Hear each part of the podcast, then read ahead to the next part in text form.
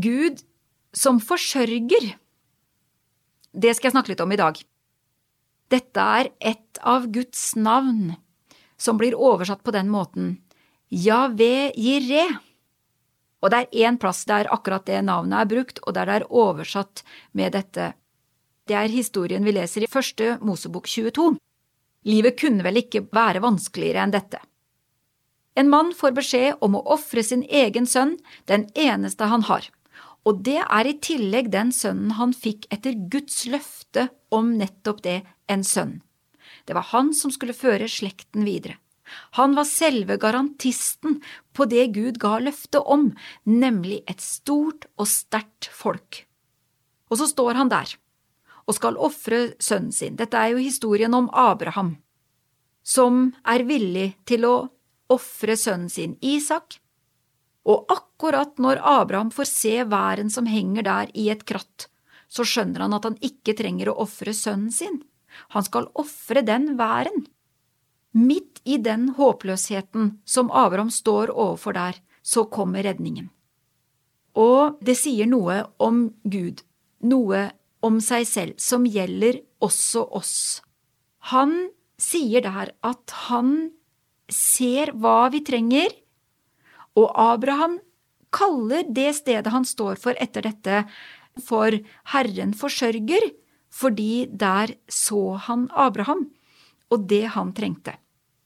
Ordet forsørger kommer av ordet forsyne, som er avledet av nettopp det å se.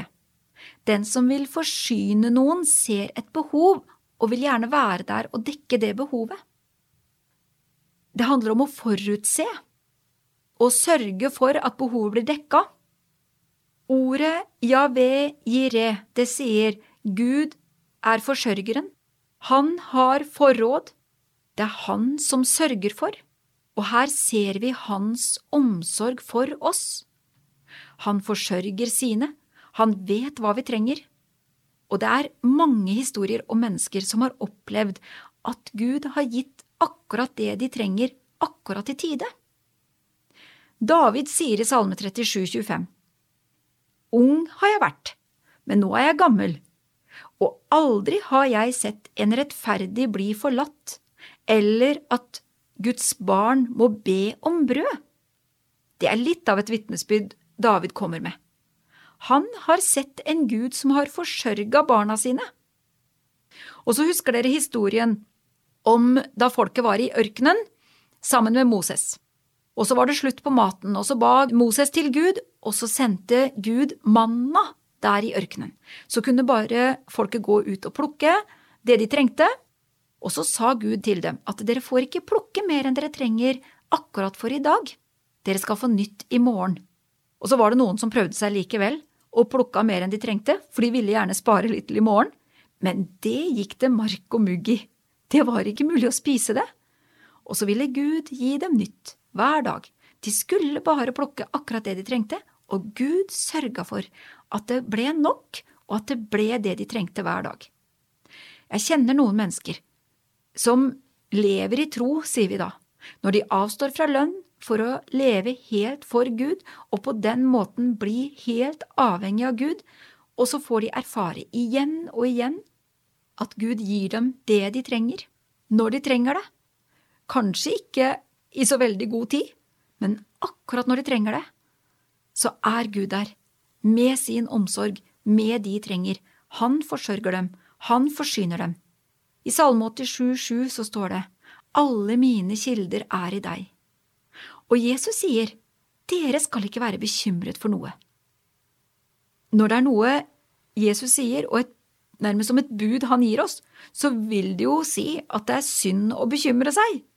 Det har vi vel ikke tenkt så mye på, og det er veldig vanlig å bekymre seg. Men dette sier Jesus i løpet av bergprekenen i Matteus 6, så er dette som en befaling til oss. Han sier det som i et imperativ. Han sier, Derfor sier jeg dere, vær ikke bekymret for livet, hva dere skal spise eller hva dere skal drikke, og heller ikke for kroppen hva dere skal kle dere med. Er ikke livet mer enn maten og kroppen mer enn klærne? Se på fuglene under himmelen.